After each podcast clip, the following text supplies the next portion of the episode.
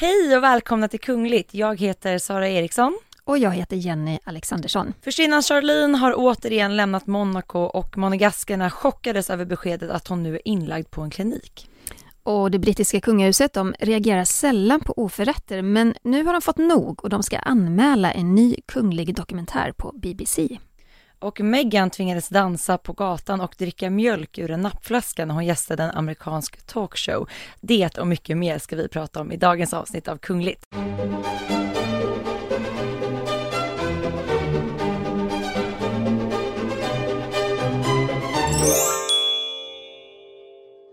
Ja, men vi har så mycket att prata om i det här avsnittet, så häng med nu för att vi börjar med förstinnan Charlene. Ja, efter över ett halvår ifrån sin man, först Albert och barnen Jacques och Gabriella, så kom hon ju hem till Monaco till slut. Men nu har hon faktiskt återigen rest utomlands och den här gången så handlar det om att Charlene har lagt in sig på en klinik i ett annat europeiskt land.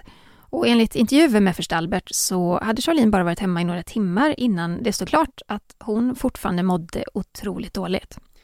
Och det här har ju fått liksom media att gå bananas i Monaco och tidningen People bland annat har fått en exklusiv intervju med Albert och det är ju ovanligt i sig faktiskt får man ju säga, eller hur?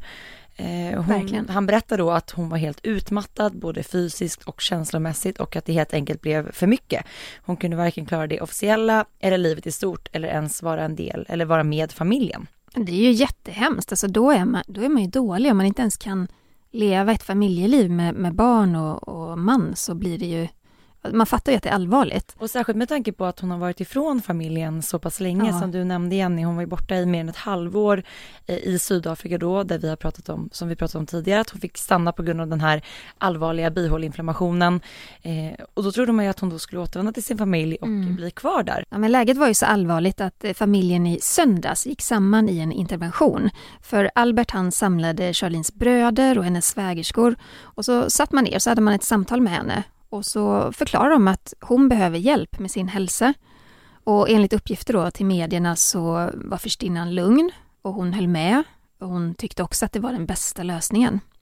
Och då säger först Albert, han sa så här till tidningen People att hon insåg att hon behöver hjälp, men vi ville att hon skulle bekräfta detta när vi alla var samlade. Alltså det är ju, det är ju allvarligt. Jag tyckte också när man såg bilderna på henne att hon såg inte kry ut.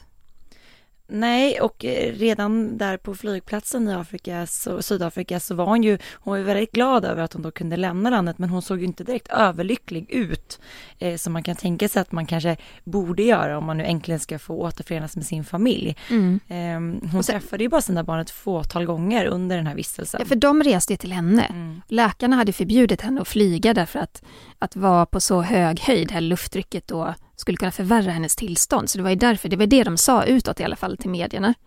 Men redan då så pratade man om, att finns det inga andra lösningar på hur hon eventuellt skulle kunna ta sig hem? Ja, och är det verkligen den här bihåleinflammationen eller infektionen som gör att hon inte åker hem. Mm. Men man har inte fått veta vad som är orsaken till Charlines psykiska ohälsa.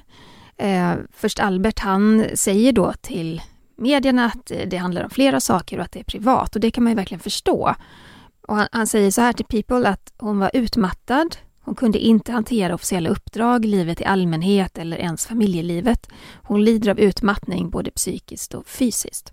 Men jag kan säga så mycket som att hon har drabbats av en ofantlig trötthet. Hon hade inte sovit ordentligt på flera nätter, hon åt väldigt dåligt och hennes viktras har gjort henne sårbar.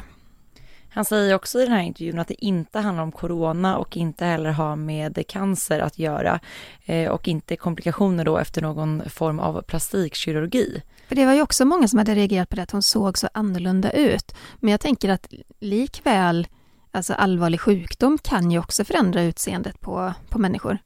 Men folk hade väl då gått bananas över att hon skulle ha gjort något ingrepp då i Sydafrika, men det, det är jag svårt att tro ja, men de här artiklarna och skriverierna om just eh, plastikkirurgi var, det såg vi ju framförallt i alltså skvallertidningar och eh, det fanns ju inget riktigt belägg för att fallet skulle vara så. Mm.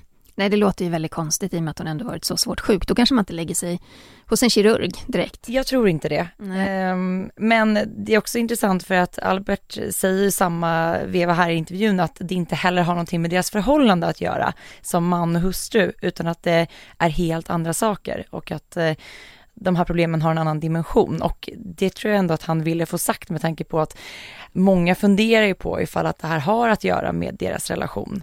Och mm. det har skrivits väldigt mycket om det under tiden hon var bortrest också. Mm. Men det som väntar nu i alla fall för förstinnan det är ju att hon eh, kommer vara borta i flera veckor. Och först säger då till People att eh, barnen förstår att deras mamma är trött och inte riktigt är sig själv. Men att de saknar henne. Men att de förstår. Mm. Men det är lite problematiskt det här just kanske främst när det gäller psykisk ohälsa om man är en offentlig person och en kunglighet för att det, det, går ju inte riktigt att hålla hemligt utan mycket av sånt här kommer ju fram och speciellt i det här fallet med Albert och Charlene där man har spekulerat så otroligt mycket kring deras äktenskap och känslorna dem emellan så att det känns ju nästan lite infekterat hela den här historien. Och det, då blir det ju, tänker jag, extra jobbigt att tidningar och medier rapporterar om att en person, eller att man mår skitdåligt.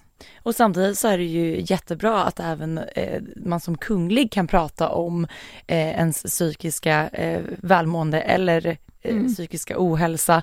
Eh, det är ju såklart jätteviktigt men det blir också eh, svårt i och med att det inte går att hålla det privat utan jag, man måste ja. hela tiden möta media i det. För jag menar, när man är mitt i en kris, då vill man nog hålla det för sig själv. Sen är det ju fantastiskt om hon kan prata om det efteråt och mm. dela erfarenheter och sådär men just när man befinner sig i den här stormens öga så vill man nog bara vara i fred tänker jag och det är kanske därför de också lägger in henne på en klinik utomlands.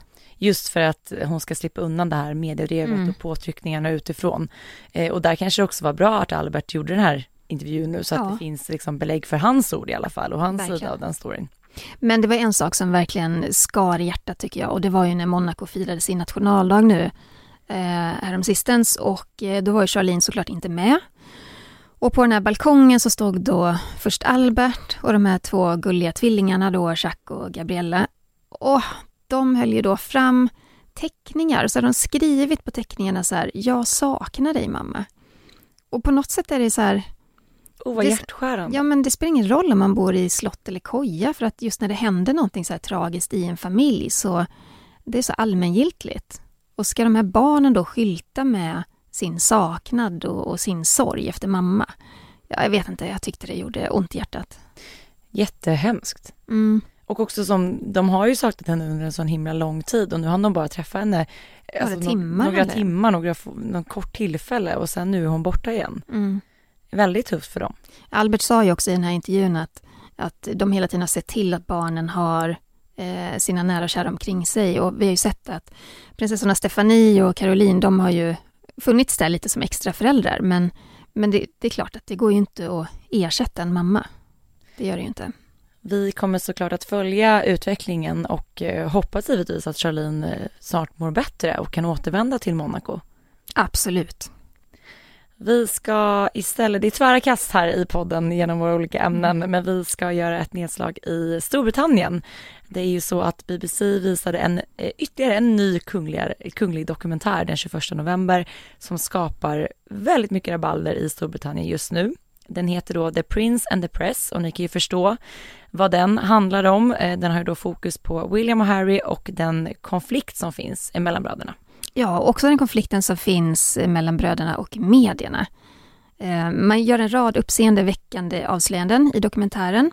Bland annat så berättar man att Harrys dåvarande flickvän Chelsea Davy, kommer du ihåg henne Sara? Yes. En blond, jättesöt, eh, sprallig tjej som han var tillsammans med. De blev tillsammans 2004 tror jag.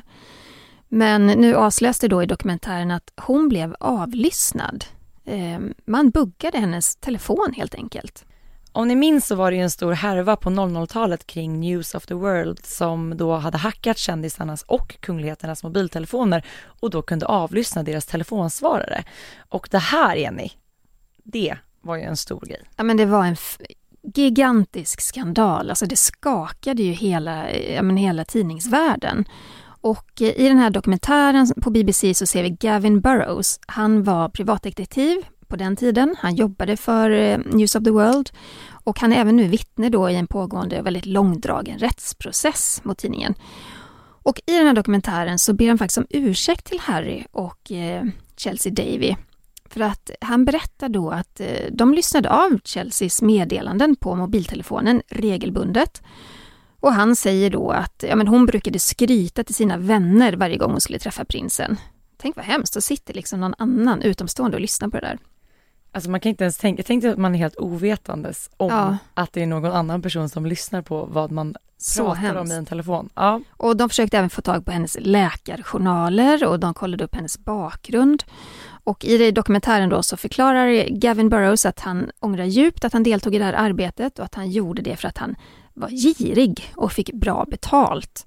Och så säger han så här då att jag var en del av ett team som rånade prins Harry på hans normala tonårstid. Ja, det är ju starka ord måste man säga och eh, mm. han har ju i och för sig rätt i det. Alltså där snacka om att gå eller liksom över gränserna för att få del, ta del av information. Men verkligen, men bara leta efter någons läkarjournal. Och om man då hade fått tag i den, vad hade han tänkt göra med den? Vad hade han tänkt göra med den? Ja. News of the World lades ner då eh, när det blev känt att de använde sig av te telefonavlyssningar 2011.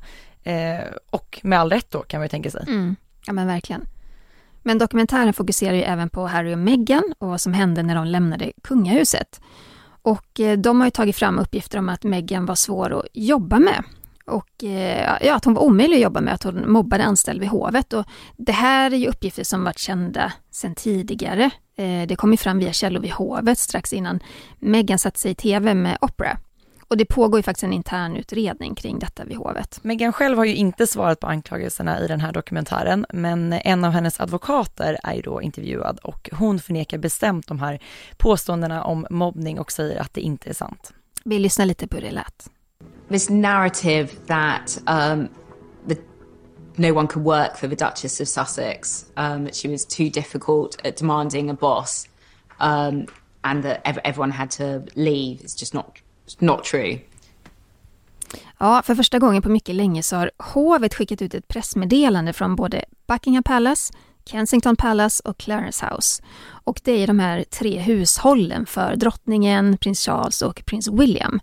Och man säger bland annat att det är en besvikelse att kanalen har valt att sända påståenden och, och rykten kring Harry och Meghans eh, exit ur kungahuset. Och här tror jag att både du och jag reagerade Jenny, för det är ju inte ofta som det brittiska hovet uttalar sig egentligen kring något. Nej, de brukar ju mer tänka att de tiger ihjäl problemen. Locket på ja. tills det liksom slutar koka där under. Så har det ju nästan till alltid varit. Men mm. här satte de ju faktiskt ner foten. Um... De skriver så här. En fri, ansvarstagande och öppen press är livsviktig för en hälsosam demokrati. Men allt för ofta presenteras uppblåsta och ej förankrade anklagelser från anonyma källor som fakta och det är en besvikelse när någon, inklusive BBC, ger dem trovärdighet. Och nu hotar ju hovet med en bojkott av framtida produktioner och program hos BBC eftersom att de då inte fick svara på anklagelserna. Och enligt källor till Daily Mail är kungafamiljen inte ute efter att stoppa eller censurera ett sådant program. Men de vill ju liksom ha möjlighet att ge en kommentar till en sån här typ av sändning. Ja, eller en, eller en dementi, för jag tänker att det måste ju gälla alla seriösa journalistiska produkter, att om man kommer med anklagelser, då måste man ju höra båda parter. Mm. Det eh, blir jättekonstigt annars. Det är väl en, en grundbult i hela journalistiken. Och det sägs ju även att drottningen och hennes då närmsta, närmaste människor då för, för första gången någonsin gemensamt kommer att anmäla programmet då. Det här Jenny, är ja. stort om något. Det är en sån här tillsynsmyndighet som heter Ofcom och eh, det, det händer väl typ aldrig att kungafamiljen gör anmälningar dit, men, men det, det, ska de tydligen göra nu. Och det är ju inte första gången som BBC är i blåsväder nu senaste tiden, för att eh, var det något år sedan eller två? Något år sedan, ett år sedan ja. ungefär. Då kom det fram att eh, den dåvarande reportern Martin Bashir, han som gjorde den här omtalade intervjun med prinsessan Diana, du vet när hon sa att vi är tre i äktenskapet. Då, mm, det kom ju fram att han hade så lurat henne och genom eh, ett snår av lögner och påhitt hade han då liksom skrämt vettet ur henne och fått henne att ställa upp. Han hade väl till och med gjort så här förfalskade bankutdrag där han kunde ja. påvisa att folk hade fått pengar för att prata om henne ja. och så vidare. Så det var verkligen ett genomarbetat lureri från hans sida för att få Diana att öppna sig så som hon faktiskt gjorde. Och både Harry och William, de gjorde starka officiella uttalanden efter det, där de verkligen fördömde eh, BBC och att de har tagit de här besluten. Men det är också lite jobbigt för BBC som ju är en eh, public service-kanal och som eh, när drottningen dör till exempel så är de ju som första kanal som får information om, om, om vad som har hänt och, och, så vidare. Men, men nu är de ju i blåsväder. Mm. Och som sagt planerar då att anmäla programmet till Ofcom eh, och vi har väl aldrig sett det tidigare tror jag. Vågar inte riktigt svara på det. Men vi har inte sett i alla fall att de tre hus, kungliga hushållen går samman och gör det. Nej, så det är uppenbarligen infekterat mm. mellan kungafamiljen och BBC. Eh, och som sagt var, det var ju bara något år sedan som det var det senast, så att nu har det varit lite väl mycket ifrån deras håll. Vi ska stanna kvar vid drottning Elizabeth, men vi ska gå över till en annan drottning som har med henne att göra. Det är nämligen så att för några veckor sedan så var prins Charles och hertiginnan Camilla på officiellt besök i Jordanien och Egypten. Och de träffade bland annat eh, kung Abdullah och hans eh, otroligt vackra fru, drottning Rania. Eh, I stort sett hela världens kungahus följer vad som händer med drottning Elisabeth just nu. Och det är för att hon har så täta band till de flesta kungahus. Hon har varit med så länge.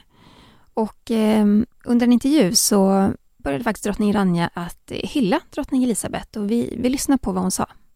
She's somebody we hold, we hold in really high regard, and uh, she's a somebody I look up to personally. And I think the whole world turns to her as a as a symbol of you know just what it means to be a true uh, figurehead and stateswoman, and, and just giving inspiration to the rest of the world through her discipline, through her hard work, through her steady um, approach to everything. I know I think we all find comfort when we think of her. And uh, we're always concerned for her health, but she's a strong woman, you know, and, and, and she, even at this age, is very active. Um, I, we can all just hope to be as active as she is um, at that age. So, you know, our best wishes are always to her, and hopefully she'll have many more years ahead of her. Hon eh, säger bland annat att hon verkligen eh, ser upp till drottningen personligen och att eh, hon tror också att en hel värld som ser upp till henne eh, och att hon verkligen är en sann statschef som också inspirerar en hel värld. Ja, hon pratar mycket om drottningens disciplin och hårda arbete och stabila sätt att hantera allt. Och att, eh, ja, men att man, folk känner tröst när de tänker på henne och hon säger själv att hon är orolig över hennes hälsa men att drottning Elisabeth är en stark kvinna och väldigt aktiv. Eh, hon hoppas att drottningen har många år kvar. Men eh, det var väldigt eh, fint tycker jag att hon, eh, att hon säger det här. Hon tog tillfälle i akt där. Ja. Eh, och eh, jag tror att det är många som kan skriva under på det hon säger. En hel värld är ju oroade för drottningens hälsa, inte bara eh, drottning Rania utan det skrivs och pratas väldigt mycket om drottning Elizabeth just nu. Och vi pratade i förra veckans avsnitt av Kungligt att brittiska hovet har meddelat att drottning Elizabeth ska vila och att november och december brukar ju vanligtvis vara lite mer lugna månader men i år så kommer de att vara väldigt lugna för drottningen eh, och hon kommer inte att genomföra några kungliga uppdrag utan allt är inställt fram till nyår. Eh, drottningen behöver väl lite extra återhämtning helt enkelt. Ja, alltså vi har sett henne göra små, små semiofficiella grejer hemifrån Windsor Castle. Mm. Eh, möten och, och, så vidare. Men eh, man förstår ju att hon behöver lite vila och lugn och ro Verkligen. resten av året. Eh, nu i helgen kunde vi dock glädjas åt att se henne lämna Windsor Castle, eller hur Jenny? Mm. Hon fångades på bild på väg till två av sina barnbarns barns dop. Tänk, tänk att få ha barnbarnsbarn, det är härligt. Det är häftigt. Ja. Och eh, det var i söndags den 21 november som, eh, lite ovanligt, men två kungliga bebisar faktiskt döptes samtidigt i All Saints Chapel på Royal Lodge.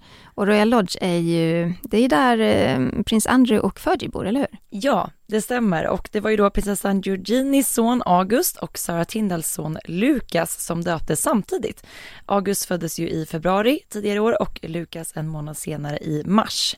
Eh, som ni vet då lite så är ju prinsessan Georgini dotter till prins Andrew och Fergie och Sarah Tindall eh, är ju dotter till prinsessan Anne. Eh, Sarah och Mike har ju tillsammans tre barn sedan tidigare och det här var ju Georginis eh, första barn. Mm. Och det är väldigt många kungliga barn i brittiska kungahuset just nu för att eh, i september tidigare år så fick ju Eugenies stora syster prinsessan Beatrice och hennes man Eduardo Mapelli Mozzi en dotter som heter Sienna Elisabeth. Och det kommer väl bli dop för henne också framöver, eller hur? Och vi får heller inte glömma att Harry och Meghan har ju också fått barn under året. Eh, Lilibet, eh, vi vet ju heller inte när och var hon kommer att döpas. Det måste ju vara så härligt och tillfredsställande, tänker jag, för drottning Elisabeth att se att barn, barnbarn, barnbarnsbarn. Jag menar hon har ju verkligen, hon är som en matriark för hela den här enormt stora familjen. Verkligen. Just att kunna åka på sina barnbarns barns dop. Sara, det hoppas jag att vi också en dag kommer få göra. Verkligen. Men varför valde de att döpa barnen tillsammans då? Varför hade de inte två dop? Det är väldigt speciellt. Jag hajade till lite när jag nåddes av den här nyheten. Samtidigt blev jag såklart väldigt glad att vi såg drottning Elizabeth på benen och att hon deltar vid den här typen av tillställning. Mm. Jag kan tänka mig att både Eugenie och Sarah har liksom väntat med de här dopen med tanke på pandemin för att kunna mm. samla någon, lite fler människor. Eh, jag tycker också det är lite festligt att man väljer att döpa barnen samtidigt. Men det bevisar nog på något sätt att familjen är väldigt tajt och man står varandra nära eh, Eugenie och Sarah är ju alltså kusiner, så då blir väl barnen tremänningar med varandra. Sysslingar? Sy är det sysslingar man är? Eller är det samma sak, sysslingar och tremänningar? Två, vad är tvåmänning då? ja, du, jag vet inte. Enmänning. Enmänning. Ja, men det är ju fina släktband och som du säger, det tycker jag att det indikerar på att man har en nära liksom, relation mm. privat utanför den här kungliga officiella rollen också. Men verkligen. Och eh, på tal om relationer och slitsamma sådana, vi kommer gå in på veckans Harry och Meghan.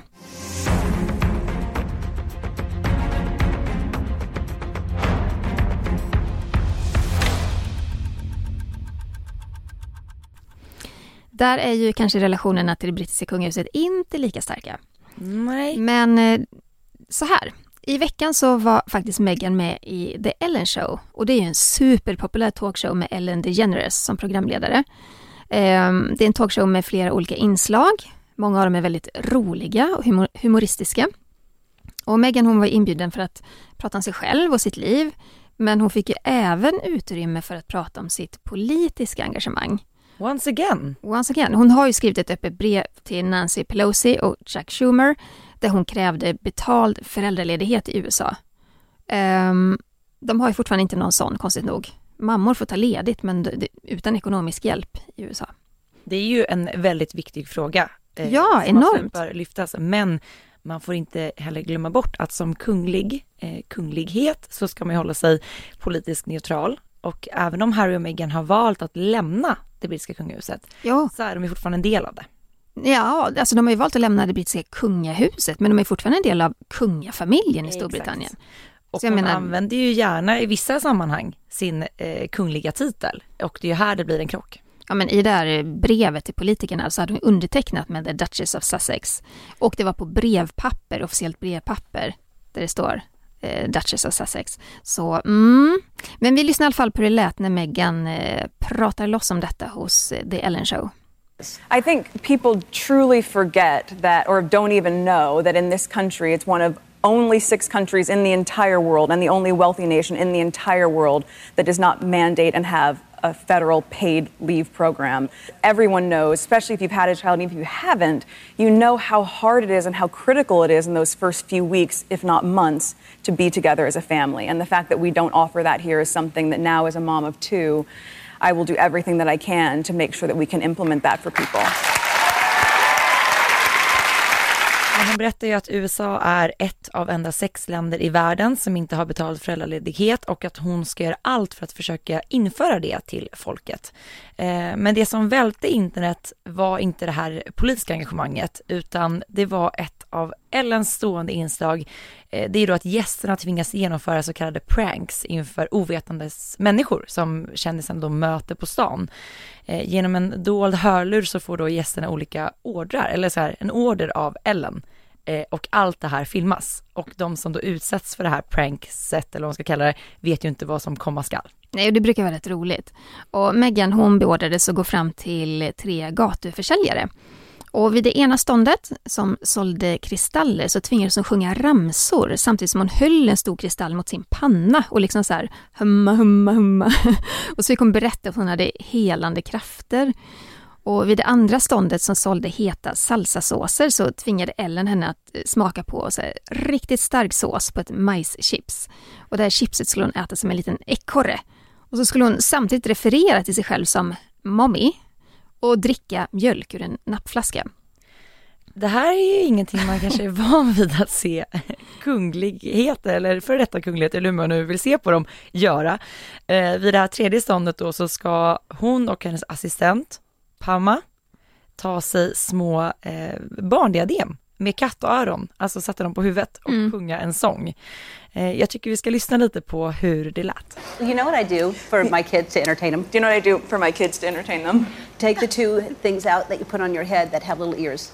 Kwame and I were going to show you. Kwame and I are going to show you. Mm. What, what mommy does. What mommy does. Kwame, you put one on. Kwame, you put one on. And I'll put one on. And I'll put one on. This is what I do for my kids to this, cheer them This is what I do for my kids to cheer them I sing a little song. I sing a little song. I'm a kitten. I'm a kitten. Mew, mew, mew. You're a kitten. You're a kitten. Mew, mew, mew. Kwame, you sing it too. Kwame, yeah, I'm a kitten, mew, mew, mew, mew. Kitten. Mew, mew, mew. Mew, mew, mew. Mew, mew, mew. Mew the kitten.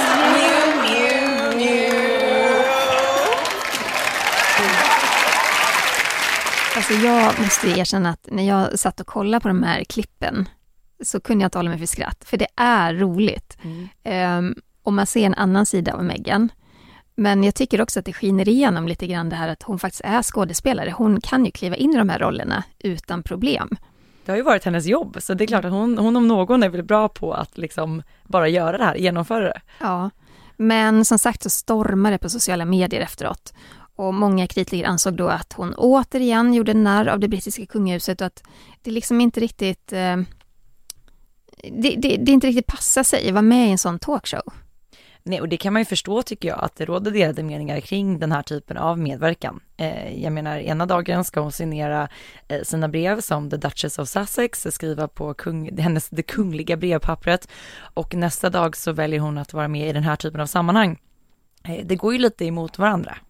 Ja, det är som att varken hon eller Harry har hittat någon linje som de driver, utan de hoppar på lite här och där och lite grann som att de dras till så flugor till honung till de här stora mediagiganterna som Oprah och Ellen och eh, men frågan är om, det känns som att de, de kanske behöver en strategi men jag tror också att en, en tydligare strategi och ett tydligare val hade nog också minimerat den här kritiken som mm. faktiskt hela tiden eh, cirkulerar kring paret just för att de själva är så otydliga och sänder dubbla signaler konstant. Att man ena dagen vill vara en del av det kungliga med de fördelarna som det faktiskt kan bidra till och ge för att nästa dag då sparka bakut mot det kungliga mm. livet och visa på att vi kan vara med var, var som helst. Vi kan vara med i Oprah, vi kan vara med i Ellen show.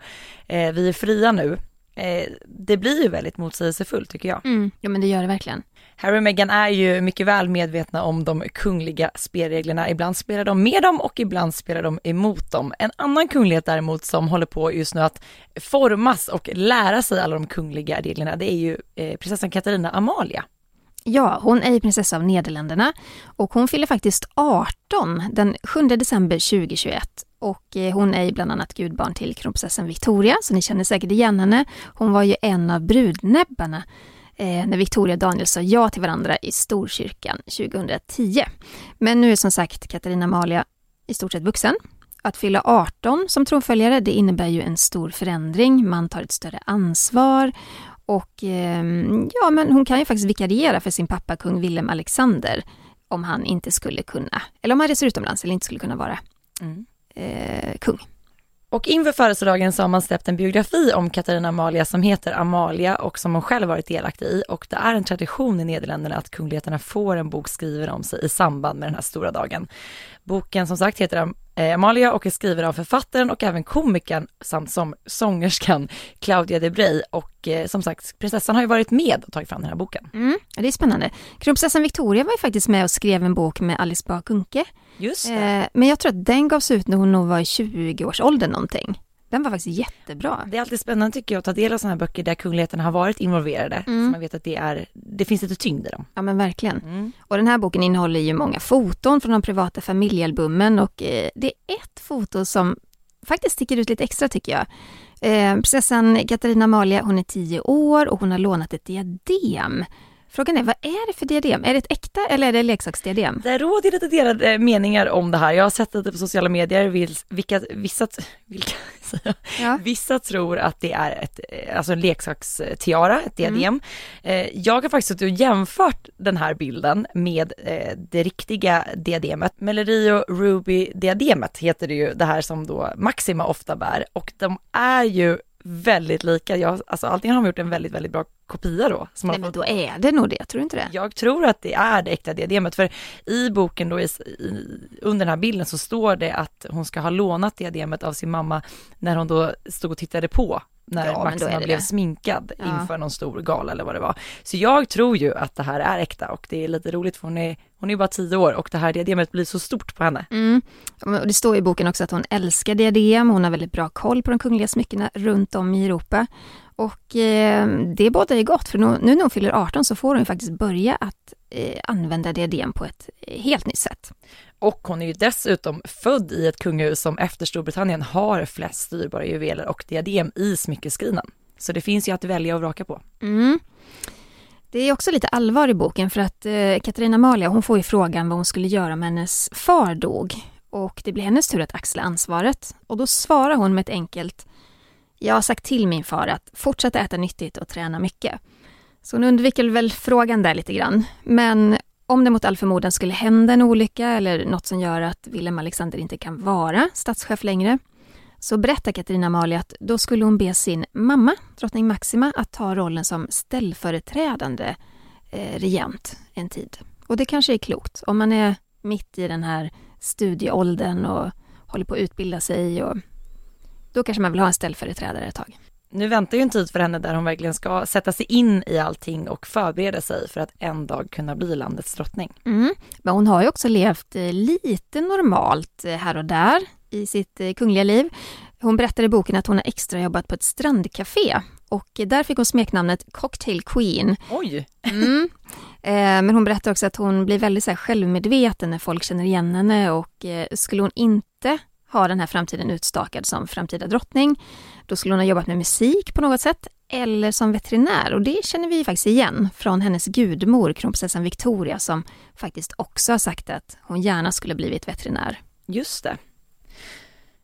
Men hennes närmsta framtid, den ser ut som så att eh, hon vill jobba med en stor organisation nu ett år. Hon tar liksom lite studiepaus innan det är dags för universitetsstudier. Så förhoppningsvis så lär det ju dröja länge också innan hon sitter på tronen.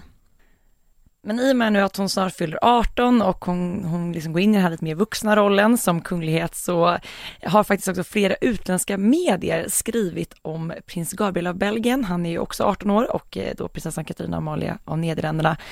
Eh, de pratar lite om att man tror att de kanske känner varandra och att de har fattat tycke. Det här är ju ingenting som har bekräftats ifrån mm. hovet, men det skrivs mycket om de två på det sättet. Säkerligen för att de är samma ålder, eh, båda två är kungliga, har samma bakgrund, man tycker att det skulle vara en perfect match. Det är ingenting vi vet om det stämmer. Men det finns en liten intressant detalj i det hela.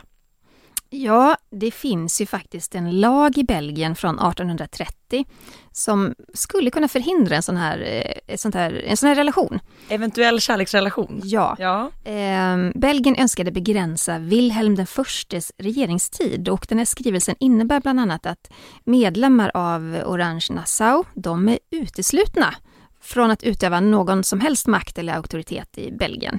Och det betyder ju att medlemmar av den holländska familjen, de kan ju inte inta en kunglig roll i Belgien. Det skulle man alltså behöva ändra på ifall att det nu var så att de skulle fatta tycke för varandra. Mm. Jag tror det är likadant i, i den svenska successionsordningen faktiskt att eh, eh, kronprinsessan Victoria till exempel som, som då drottning av Sverige en dag, hon kan inte samtidigt bli drottning av ett annat land. Skulle hon eh, vi bara spekulerar, skulle hon eh, gifta sig med Fredrik av Danmark så kan hon alltså inte bli drottning av Danmark. Och det är, det är ju lite speciellt det här att, ja. eh, att det finns sådana här skrivelser. Det kanske är klokt. Vi ska prata om prinsfamiljen i Sverige och den här gången om familjens fyrbenta vän, nämligen deras border terrier Siri. Ni minns ju säkert, eh, det var tre år sedan att Norrmalmspolisen i Stockholm la upp en bild ihop med prinsparet efter att då Siri lämnats in på polisstationen och prinsparet kommit att, och hämtat henne. Och nu tidigare i veckan så blev ett klipp viralt på TikTok där Angelica Angelina Berge och hennes vänner hittat Siri som återigen var ute på vift. Ja, men den här gången ute på Kungliga Djurgården. Och till en början när man ser den här TikTok-filmen, eller inlägget, så ser man att tjejerna förstår inte att det är prinsfamiljens hund, men efter en stund så insåg de att jo, det är han faktiskt. Och i klippet så står det att eh, de gick hem med hunden till familjen, prinsfamiljen, och att all, ja, de var glada över att återförenas med Siri. Men hon verkar ju verkligen vara en hund som rymmer. Ja, för att jag läste igenom alla kommentarer i den här, vid den här TikTok-videon och där var det flera stycken som kommenterade att de också hade sett hunden på vift tidigare aj, aj, ute på Kungliga Djurgården. Så hon verkar vara väldigt bra på att smita ja. prinsparets hund. Ja men verkligen. Men det är kul så här just när, när, när den här typen av klipp läggs ut, alltså det här blev ju verkligen viralt, alltså det var ju mm. så många visningar och verkligen ett engagemang i inlägget. Mm. Idag som vi spelar in veckans podd, det är onsdag den 24 november, så har faktiskt ett två dagar långt statsbesök inletts i Stockholm. Det är spanska kungaparet Felipe och Letizia som är här. Och faktum är att det här är lite unikt för att det är det första kungliga statsbesök på 13 år. För att det var, ja vi får gå tillbaka till 2008 för att se en kunglig statschef på, på svensk mark under sånt där statsbesök. Då var det Luxemburg tror jag. Men eh, Filippo och Letizia, de har ju varit här tidigare. 2005 så gjorde de ett eh, officiellt besök i Sverige. Eh, då var de ju kronprinsesspar, eller kronprinspar heter det ju.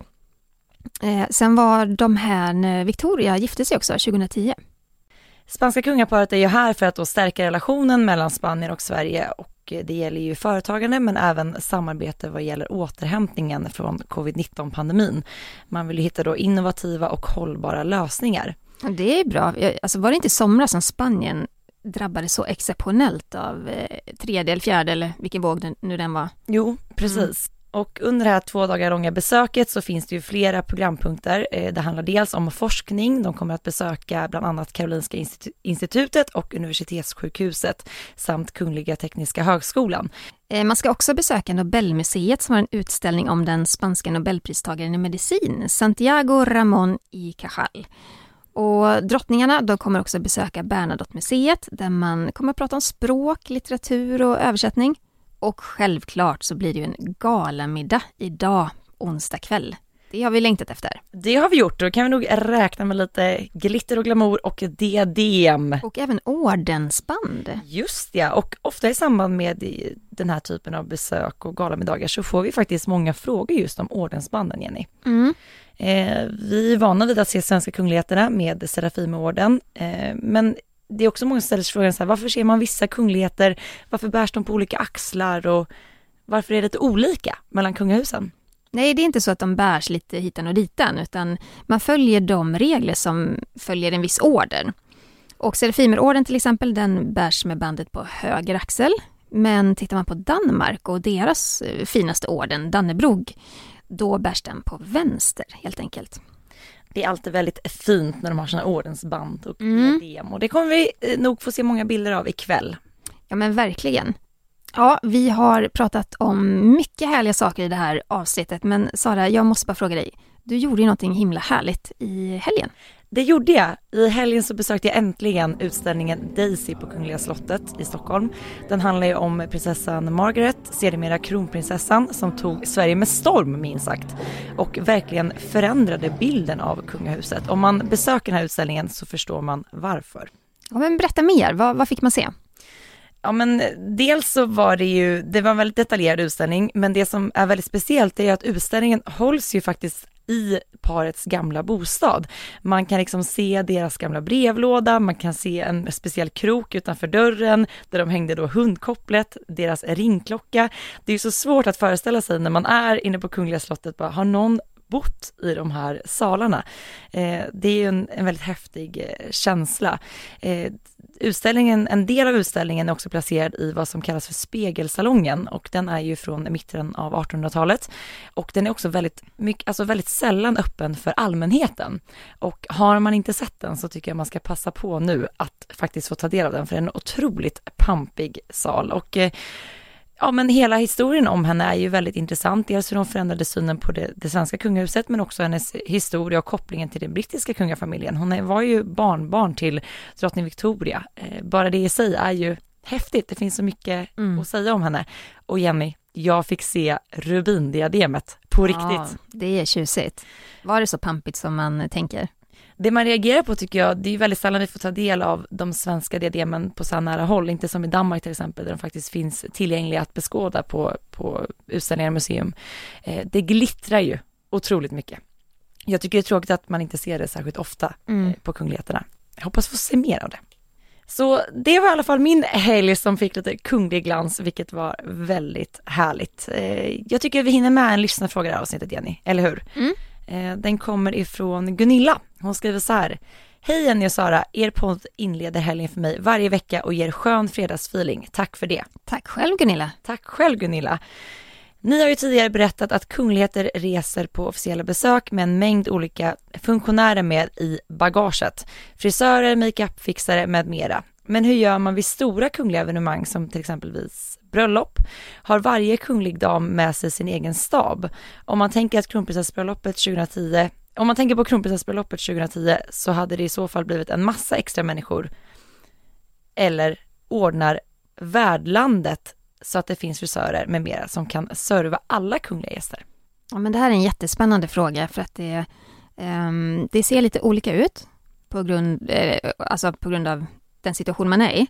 Men ja, vid stora pampiga kungliga tillfällen så reser drottningar och prinsessor med frisör, makeupartist, eh, ja men de har ju en hel liten stab med sig eh, med kunglig personal. Men det är också så här att eh, gästerna kan ju också få rekommendationer av värdparet. Eh, det kan förmedlas eh, kontakt till makeupartister och frisörer. Jag vet till exempel vid Victorias bröllop 2010 så var det ju eh, ja, men Björn Axén till exempel, det var ju jättemånga av deras frisörer som var så upptagna under det här besöket därför att de hade så många nya utländska kunder. Eh, det var också många av de här faktiskt butikerna, eh, tjusiga butikerna runt om i eh, Stockholm som säljer festkläder som också hade fått besök från, från många gäster. Det kanske var så här sista minuten köp i panik, någonting kanske hänt med den galaklänning man hade med sig, vad vet jag. Eh, men också många makeupartister som fick då uppdrag för, för kungliga gäster. Och, och inte bara kungliga gäster utan det var ju andra människor bjudna på det här bröllopet också, vänner och, och familj till prins Daniel och eh, politiker och, och det ena med det andra. Så att eh, det går, det är ofta så att det förmedlas kontakter, man kan få, man kan få bra tips helt enkelt. Det är alltid intressant med de här frågorna som handlar lite mer om bakom kulisserna, hur mm. det faktiskt går till. Ja men verkligen. säger, det går ju åt väldigt många människor runt alla de här stora händelserna. Ja, ja men det gör det. Är det inte går åt? Det finns, ja men, vad, jo men det, det behövs många människor. Det behövs många människor. Ja. Men Sara, vi ska runda av veckans avsnitt. Tack snälla för att ni har lyssnat. Följ oss jättegärna på sociala medier. Var finns du Sara? Royalistan.se och du Jenny? Jag finns på Instagram, kungligt med Jenny. Fortsätt skicka in lyssnarfrågor. Kungligt snabel aftonbladet.se. Tack snälla för att ni har lyssnat på veckans avsnitt av Kungligt. Vi hörs igen nästa vecka. Det gör vi. Ha det så gott. Hej då! Hej då!